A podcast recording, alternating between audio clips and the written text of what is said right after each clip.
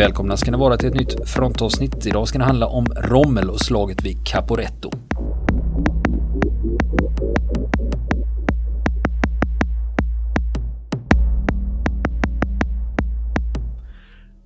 Och då, vid det laget, så sätter han igång en av de mest järva framstötarna i hela sin karriär. Som tysk officer. Han leder sina soldater då ner för en sluttning. Längs en dold stig som har sprängts in i bergssidan av italienska ingenjörssoldater, har man listat ut. Den använder man sig av för att ta sig, ta sig ner obemärkt då, allt längre in på det italienarnas område.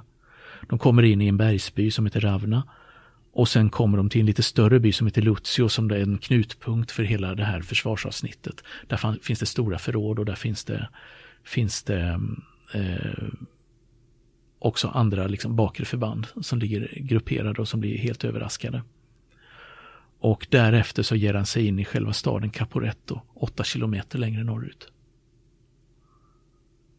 Och tar ännu fler italienska soldater då och även ford, transportfordon av olika slag, häst och vagn och lastbilar i, i, den här, i det här området. Han har fortfarande inte fått fram hela sin styrka för en hel del av hans soldater befinner sig ännu på bergsluttningen på väg ner. Men de soldater han har på plats, de håller febrilt på att bygga en vägspärr för att stoppa fientliga förstärkningar, italienska förstärkningar för att nå det här frontavsnittet.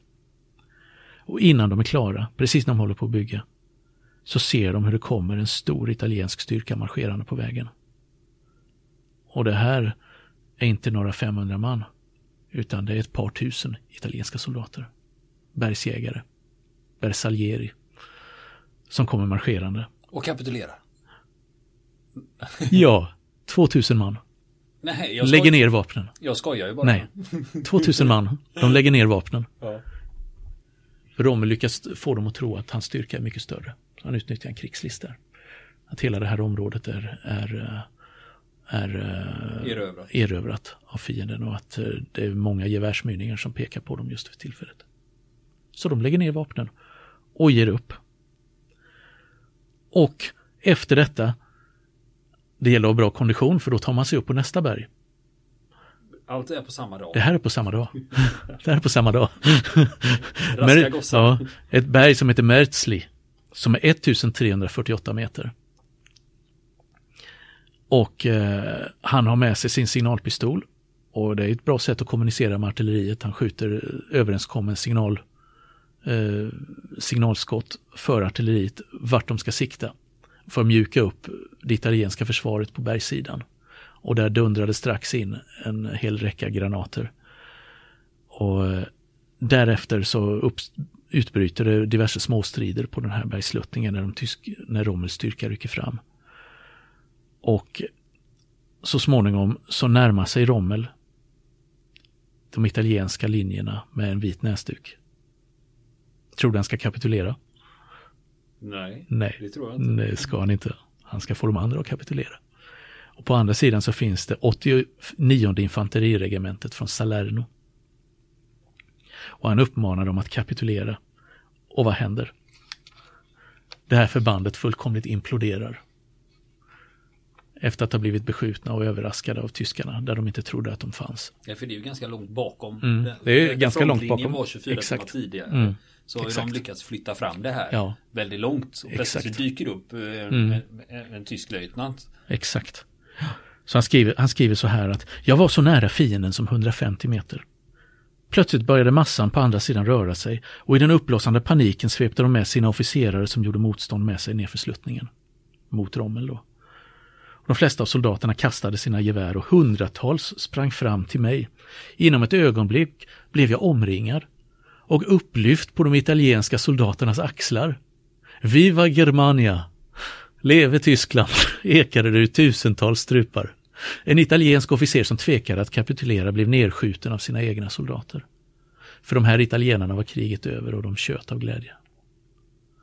Man kan väl säga att stridsmoralen var inte speciellt hög i de italienska förbanden här och det hade den inte varit under, under eh, hela första världskriget. Eh, heller för att det var egentligen inget större fel på soldaterna men de var illa ledda.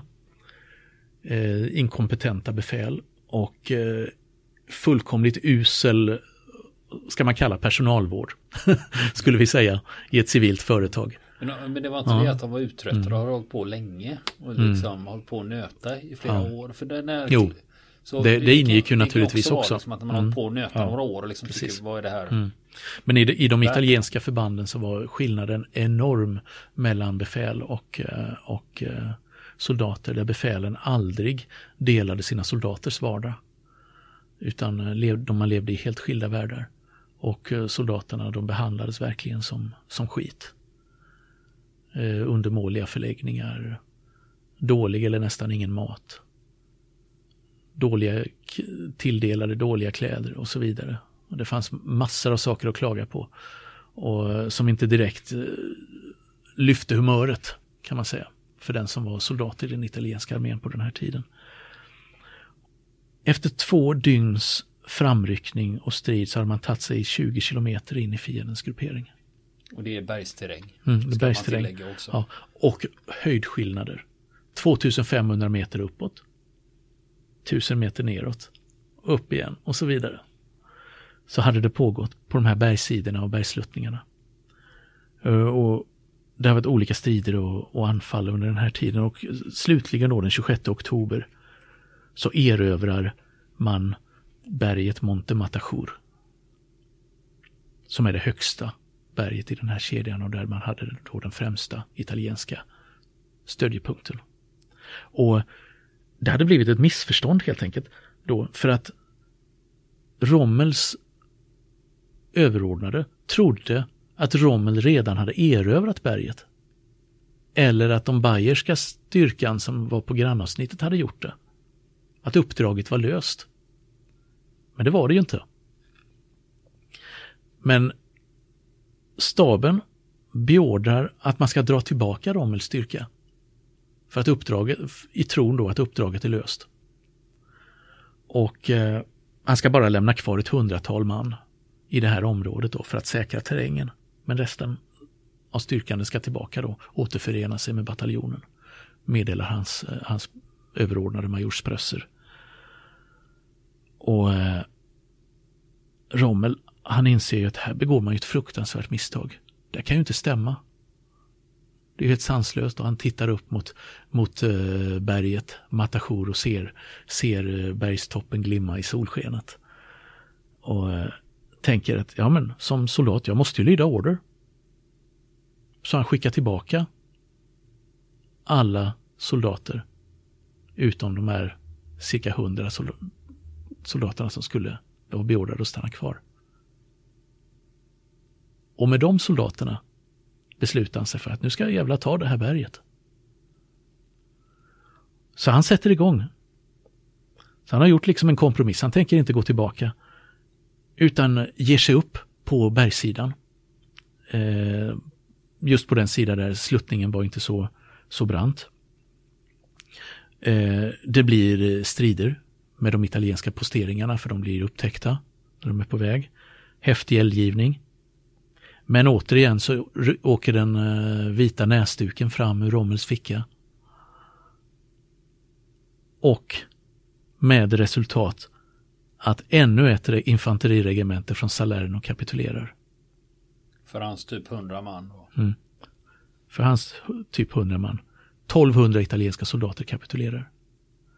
Och Rommel han har ju återigen dragit en krigslist och förespeglat om att den tyska styrkan är mycket större än vad den egentligen är. Italienarna tror att de är omringade av en hel tysk division. Och den italienska översten, fullständigt kokar av ilska sen när han inser hur få de tyska soldaterna egentligen är. När, de har, när han upptäcker, när de har lagt ifrån sig vapnen och är på väg in i fångenskap och insett, men vad fan, det är bara hundra man som vi har kapitulerat för.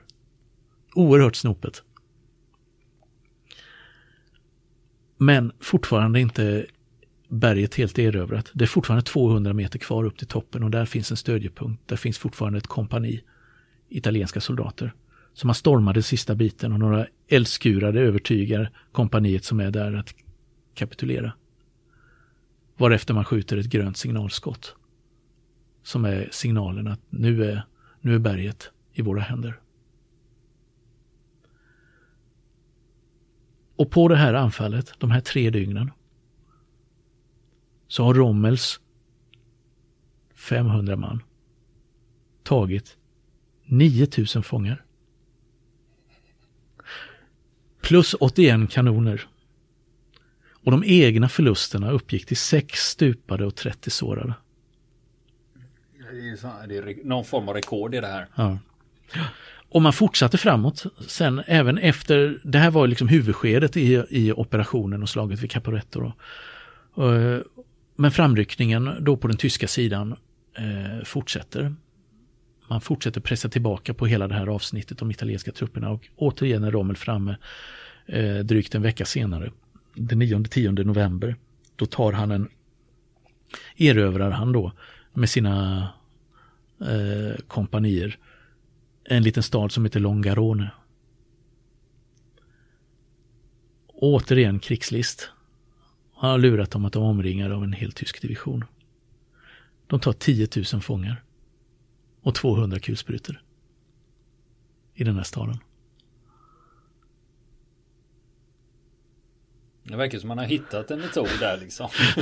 Hur man ska vinna det här kriget. Så att eh, det, det här ledde till då att um, det här kan man ju tycka att han, han skulle få en rejäl medalj för. Men då hände någonting. Då delas det ut Tysklands högsta tapperhetsmedalj vid den här tiden. Heter Pour le Mérite. Eller Blå Max. Precis, ja. Blauer Max. Men den första medaljen den går till en annan löjtnant, en helt okänd officer i grannregementet, det Bayerska regementet, som har rapporterat att han har nått toppen av Monte Matajour. Men det har han gjort efter att Rommel hade erövrat den. Men han har av misstag angett fel klockslag. Så det ser ut som han har varit där före. Och eftersom generalen på avsnittet hade lovat att förste på toppen ska få medaljen på Lemerit så går det helt felaktigt till den här officeren då, en löjtnant Schneider. Och eh, det här upptäcks inte förrän det här har gått ut en kungörelse vitt och brett i tidningarna att eh, han hade fått den här medaljen. Och då gick det ju inte att ta tillbaka det. Man ville ju inte tappa ansiktet att man hade gjort ett misstag då från de militära myndigheternas sida. Så att då, han fick ju behålla det, den här, den här löjt, löjtnant Schneider då. Och så utdelas som tröst då ännu en polymerit till en annan officer som har tagit en annan av de här höjderna som varit först upp. En av de här på bergskammen kallas för höjd, höjd 1114. Men det är inte Rommel. Utan det är en annan löjtnant i det bayerska bergsjägarregementet som heter Ferdinand Schörner som sen också blev fältmarskalk under andra världskriget. Ja, han har vi gjort ett helt ja. avsnitt om. Ja. Ferdinand. Och Schörner, ja, han kom upp på toppen. Men först efter att Rommel hade möjliggjort, gjort det möjligt. Mm. Så då har det delats ut två porlemerit för erövringen av den här bergskammen. Men ingen av medaljerna har gått till den officer som gjorde jobbet. Nämligen Erwin Rommel. Men han ställer till ett himla liv och det eh, rycks i trådar hit och dit. Och till slut, efter viss kamp, så får även han sin porlemerit i slutändan för, för eh, sina insatser i, under den här offensiven. Och det var han ju värd kan man ju tycka. ja, det, det, kan man ju tycka i det här fallet. Och eh, Vad kan man säga om Rommels taktik här? Han skrev ju sen en bok efter kriget om de här erfarenheterna som heter Infanteri greift an, Infanteriet anfaller. Eh, som gjorde honom känd i militära kretsar. Där han skildrade, skildrade eh, Eh, det här slaget och hur han hade gått tillväga. Det visade att han var ett stort taktiskt geni. Eh, att han hade en stor talang eh, för taktik. Men de här framgångarna som Rommel hade uppnått under de här striderna, de skedde inte i något slags vakuum. Alltså det här var inte bara en ingivelse av en, en ung officer som sån som kom på det här och var väldigt listig hur man skulle göra. Utan eh, ä, även om man liksom visade sig vara väldigt duktig på att förutse hur fienden grupperade sig och vad fienden skulle kunna tänkas göra i vissa situationer så var, var han långt ifrån ensam om att kunna göra det. Men han blev istället, kan man säga, en representant för ett nytt sätt att föra krig. Där vid Caporetto 1917. För ja, första världskriget, vi har skyttegravarna på västfronten. Där det liksom inte gick komma bara statiskt. statiskt. Det gick inte många hundra meter fram och tillbaka och till väldiga förluster.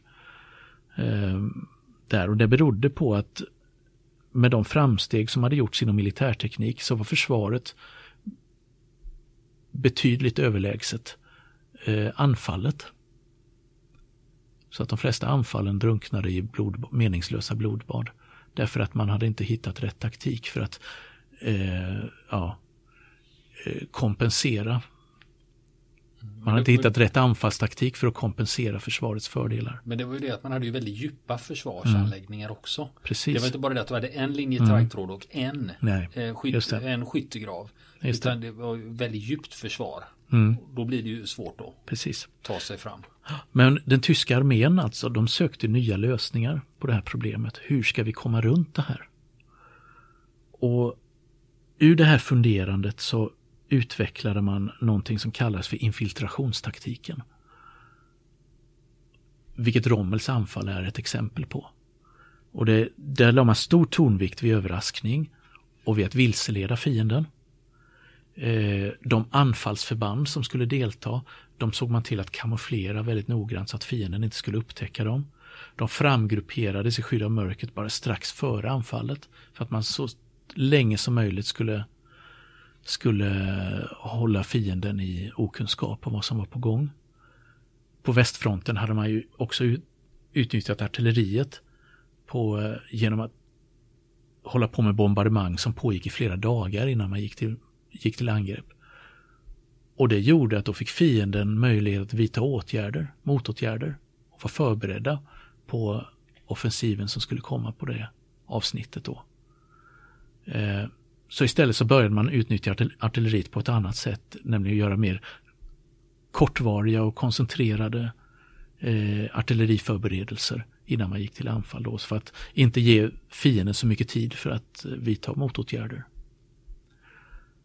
Och eh,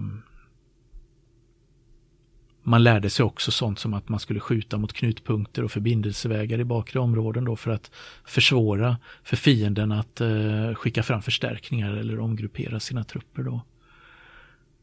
Och när infanteriet gick till anfall, ja då skulle de inte storma fram då på sina breda led, du vet, som man är van vid att se från, från eh, eller som man föreställer sig att det gick till under de första åren på västfronten. Utan de skulle specifikt leta efter luckor. Komma fram, de skulle kringgå motstånd istället för att slåss nedkämpade och tränga in på djupet. Och alltså de motståndsfickor som man hade gått runt, de skulle istället anfallas av andra förband som kom senare. Så man skulle hela tiden leta sig fram ungefär som droppens väg genom en, genom en struktur. För att, eh, för att eh, liksom infiltrera, som det heter, fiendens försvarssystem istället då. I, i mindre grupper då. Och man, eh, man skulle skjuta avskärmande artillerield då som skulle underlätta framryckningen. Alltså man la spärrar framför de egna trupperna för att hindra fienden från att skicka fram förstärkningar. Eller från att, eller från att kliva, kliva upp för tidigt ur skyddsrummen. Och, ehm, och efterhand då som man vann, eh, vann terräng då i det här anfallet så, så eh, skulle man skicka in reserver då mot eh, fiendens nya flanker som hade uppstått då för att vidga den här genombrytningen av fiendens försvarslinje. Och för, för att klara det här då, för det handlade om rörlig strid. För att klara det så organiserade man om infanteriet på den tyska sidan då och man skilde då eh, på vanliga divisioner och på de nyutbildade anfallsdivisionerna som innehöll speciella stormbataljoner. Man började tala om stormtrupper. Något som kom tillbaka sen i Hitlers milis.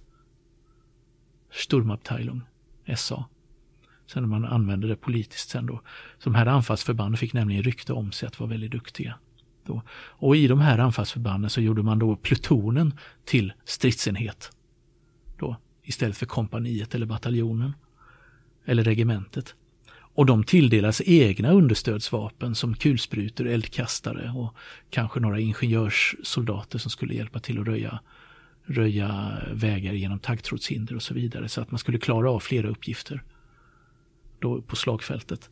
Och för hade de eget understöd så behövde de inte vänta längre då på att någon högre chef skulle beställa fram artilleri eller, eller eh, skicka fram ingenjörstrupper eller eh, eldkastaravdelningar. Eh, och det ledde till då att stridstempot ökade. Till skillnad mot tidigare där du, där du gick fram med stora förband. Du nådde ditt anfallsmål och sen stannade du och väntade på dina order vad du skulle ta vägen därnäst medan fienden fick tid då att vidta motåtgärder, kasta in förstärkningar och så vidare. Och kunde stoppa anfallet. Eh, och det här då, det krävde i sin tur för att det här skulle fungera att man decentraliserade ledningen av förbanden. Eh, och att, eh, att det var de underlydande officerarna som var på plats som tog initiativ och fattade beslut ute på, ute på slagfältet och för att utnyttja de luckor och framgångar som man hade uppnått. Alltså det gick inte att sitta och vänta på att en högre chef skulle fatta beslut, någon överste eller någon general i ett högkvarter längre bak.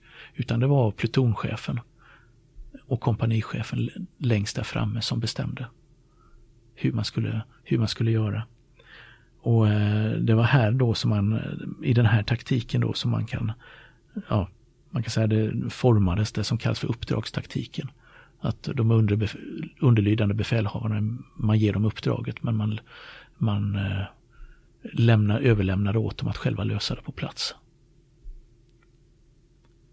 Och eh, det var, ju, det var ju någonting som sen blev en avgörande skillnad mellan den tyska armén i slutet av första världskriget och sen även under andra världskriget eh, jämfört med andra arméer.